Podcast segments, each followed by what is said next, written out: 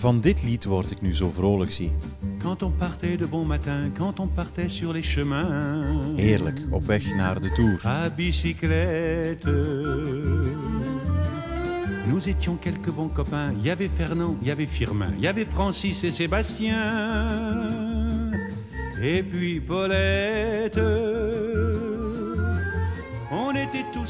Ik ben Christophe van de se Goor en mijn copain voor de komende drie weken heten Sven, Serge en Frank. Mijn co-commentatoren Sven Nijs, Serge Pauwels en natuurlijk Frank Hoste. Drie weken lang praten we in deze podcast van Sportza Koers na over de etappe van de dag. devant Paulette. En avant met La Bicyclette le van Yves Montand en natuurlijk zijn Paulette, de dochter van de postbode en het mooiste meisje van het dorp. Et depuis qu'elle avait 8 ans, elle avait fait en le suivant tous les chemins environnants. À bicyclette. Voilà, we rijden weg uit uh, Châteauroux en Sven Nijs, maar meteen de koe Cavendish bij de horens vatten. Ehm, De fairy tale continues, het sprookje gaat voort. Ja, fantastisch. Ehm, misschien nog wel meer indrukwekkend dan zijn eerste zegen. Natuurlijk is dat emotioneel, die eerste zegen. En eh, is de eerste na zo'n lange periode natuurlijk altijd de mooiste voor heel veel mensen. Maar de manier hoe hij vandaag wint, recht toe, recht aan, geen bocht erin, eh, echt puur op snelheid. Ja, chapeau. Dit, dit was echt eentje uit het boekje. En toch had ik er geen goed oog in. Backstage kwam ik nog andere commentatoren ook tegen en die dachten allemaal hetzelfde op basis van de tussensprint. Hè, want daar wordt hij ook goed gebracht door Morkov. En je ziet dan uiteindelijk dat hij die beensnelheid niet heeft, misschien niet aandringt, maar hij valt daar een beetje stil. Dat was geen goed voorteken. Maar dan de sprint zelf, ja, dat was terug de, de, de beensnelheid van de oude Cavendish. Niks op af te dingen, zoals je zegt. Nee, en ik denk dat die tussensprints ook wel voor een stukje gebruikt worden om dat gevoel te hebben. Hij zal daar zeker niet eh, de sprint eh, voorbereiden en, en met diezelfde focus als, eh, als echt officieel aan de finish. Dat doen ze denk ik allemaal wel een, voor, voor een deeltje. Pakt wel wat puntjes, maar ja, die, die laatste kilometer en de manier hoe ze het aanpakken. Aan de ene kant van de baan, de Koning Quickstep, die het fantastisch doen. En dan heb je het andere blok dat in gang wordt getrokken door eh, Mathieu van der Poel met Alpecin Phoenix. Dus dat is de battle die wordt uitgevochten. Die komen dan echt in mekaars buurt op een bepaald moment. Eh, Morkov en Merlier zijn dan de twee laatste mannen. En dan beginnen ze eigenlijk ongeveer op hetzelfde moment, zowel Philips als Cavendish.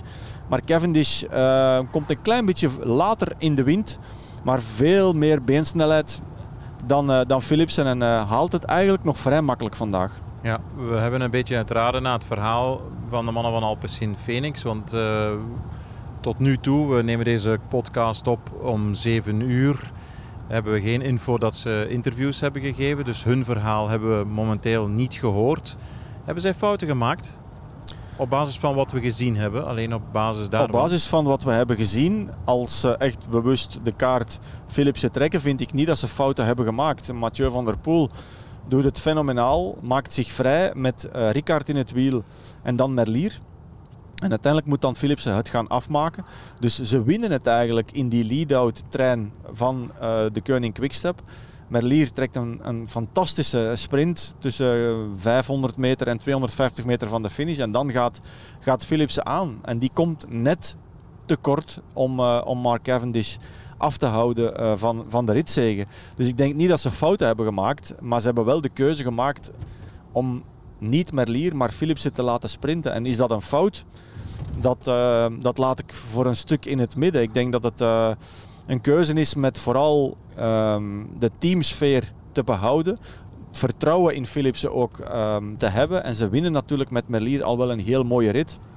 En ik denk dat dat de filosofie is van we gaan dat ook met Philipsen eh, proberen. Of het in de toekomst nu nog zo ver zal gaan komen. Ik denk dat Philipsen zelf ook op een bepaald moment zal aanvoelen van ja, het zit er niet echt in. Eh, Laten we toch maar terug de rollen omwisselen. Hoe moet dat dan voort eigenlijk? Heel mooie ereplaatsen. Hè? Tot nu toe de beste in zijn carrière voor Philips. Laat ons wel wezen. Toen hij twee jaar geleden zijn debuut maakte, een keertje vijfde. Maar toen was het nog vooral voor ehm, Alexander Christophe natuurlijk. Nu is hij tweede in Pontivy, derde in Fougères en weer tweede. Dus dat is absoluut niet slecht. Maar hij wordt wel verslagen en, en geklopt. En dat gaat tussen de oren zitten. Hij geeft geen interview, blijft in de bus. Nederlaag doet pijn. Nu komen dan zware etappes eraan met de Alpen. De volgende sprintkans komt pas volgende week. Um, hoe verwerk je dat of hoe ga je daarmee om? Ja, dat is niet evident natuurlijk. Hè. Je krijgt twee kansen. De ploeg doet het perfect twee keer. En twee keer word je daar op je plaats gezet door Cavendish, die in, ja, een heel goede doen is. Er is niks mis mee om tweede te worden in de Tour. Maar het gaat natuurlijk uh, uiteraard uh, om de ritzegen. En ze hebben daar ook iemand in huis die dat uh, in principe ja, alles bewezen heeft. En, en die waarschijnlijk ook klaar is om dat te herhalen.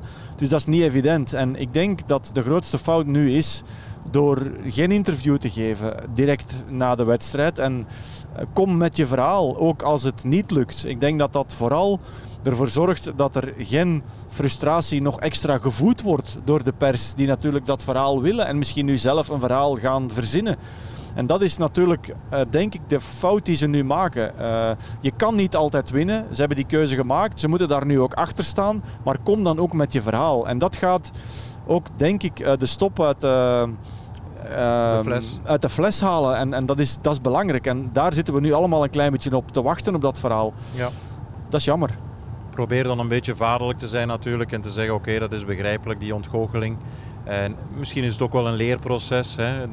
Dat wat je net aanhaalt, terecht denk ik, maar om dat te leren en de volgende keer gaat dat misschien wel gebeuren om ook in, in slechte momenten, moeilijke momenten, vooral moeilijke momenten, slecht is het niet, um, ja, te praten hè, en je daar overheen te zetten. Ja, en langs de andere kant, uh, ik snap helemaal wat je bedoelt, langs de andere kant zou het ook zomaar eens kunnen dat ze aan het eind van het verhaal toch gelijk krijgen. Als Philipsen iedere keer in die tussensprints uh, puntjes pakt, als hij iedere keer tweede en derde en vierde wordt, dat is ook de manier hoe dat Peter Sagan uiteindelijk uh, de laatste jaren groen heeft gepakt. Ook zonder dus, te winnen. Ja. Voilà, dus laten we daar nog maar um, een klein beetje de kerk in het midden houden en, en kijken hoe dat, dat de komende dagen zal gaan evolueren, want hij staat er op zich wel heel goed voor. Ja, en dat is dus eigenlijk ja, zoals zo vaak in het verleden, andere jongens, Matthews en zo, bleven ook altijd meesprinten wanneer Sagan zeven keer won. In de hoop bijna, of in de veronderstelling, als er iets gebeurt met Sagan, dan moet je daar staan met je punten. Anders ben je die kwijt, kan je die niet meer inhalen. Is dit het plan nu met uh, Philipsen? Hopen dat uh, Cavendish niet over de bergen geraakt? Maar in principe gaat hij altijd, denk ik, meer punten kunnen pakken dan bijvoorbeeld een Cavendish in die, in die ritten die er de komende dagen zitten aan te komen. Um, maar we gaan dat moeten afwachten natuurlijk. Hè. Er zitten nog heel veel renners die daar ja, rekening mee houden dat het lastiger wordt. Daar is een Sagan bij, daar is inderdaad ook een, een Matthews bij. Dat zijn nu de twee namen waar ik zo onmiddellijk aan denk. Uh, laten we daar Philipsen nu momenteel even bij zetten en dat hij misschien toch wel uh, met dat idee in zijn achterhoofd zit. Ja, en dan vind ik dat ze wel de juiste keuze hebben gemaakt vandaag. Maar natuurlijk, dat is op lange termijn. En dat is het plan dat we niet direct zicht op hebben hoe, dat, hoe ze daar binnen de ploeg zelf mee omgaan. Nee.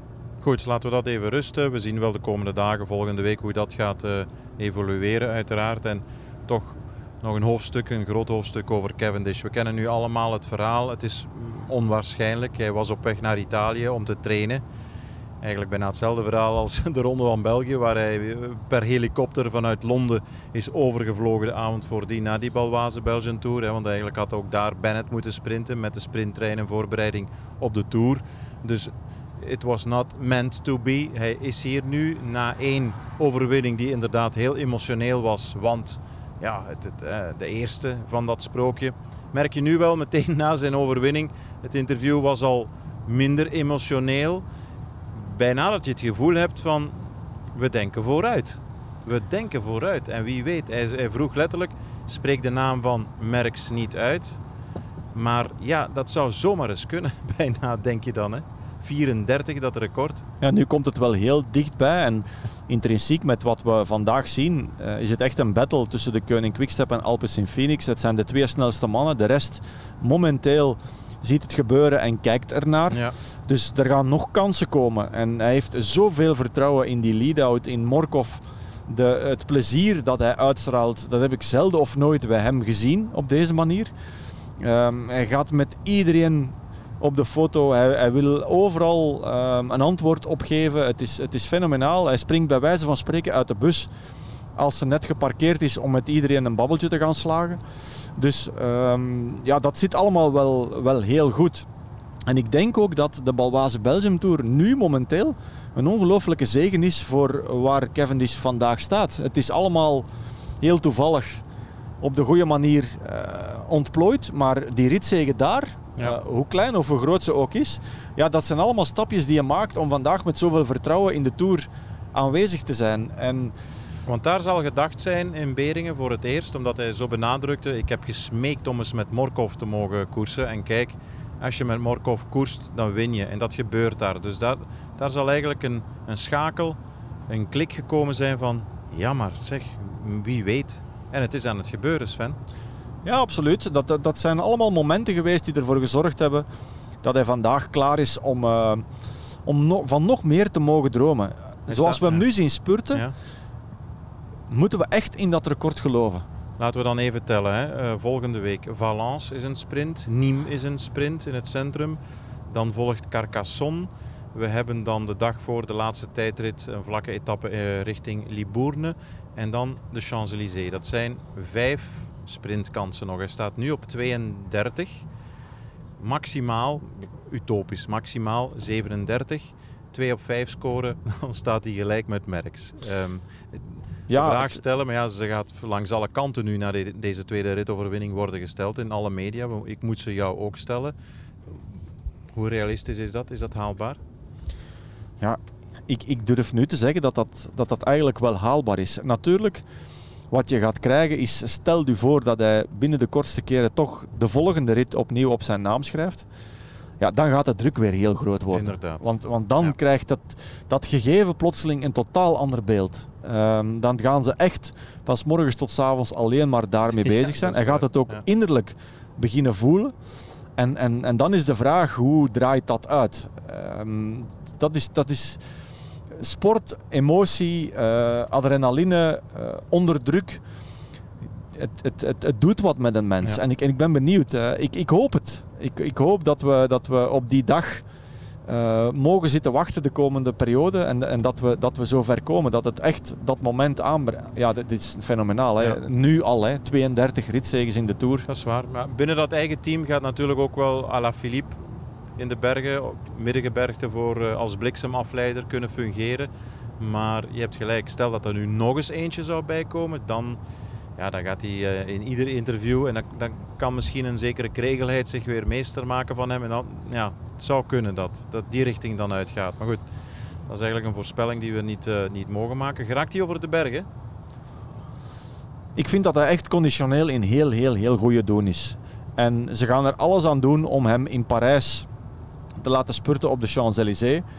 Um, ik zie hem in staat inderdaad uh, om, om, om die Tour makkelijk is, is, is het foute antwoord, maar, maar uh, redelijk comfortabel uit te rijden. Vooral met hoe de, to de Tour vandaag uitgetekend is. Ik denk ja. dat dat heel veel kansen biedt om Cavendish in optimale omstandigheden in Parijs te laten spurten. Ja, want een zware ronde met, met uh, tig aankomsten bergop, zoals vorig jaar bijvoorbeeld, dat zou het nog meer bemoeilijken dan nu? Ja, sowieso. Ik denk hoe meer hoogtemeters, hoe moeilijker het voor die sprinters wel wordt. Maar hij is conditioneel gewoon echt heel goed. Hij heeft ook al zelf op kop gereden uh, in de eerste dagen van deze, van deze ronde voor Alaphilippe en zo verder. Dus dat doe je niet als je, als je, als je maar net genoeg in staat bent om die spurt aan te gaan. Hij heeft, hij heeft overschot momenteel fysiek en ook mentaal.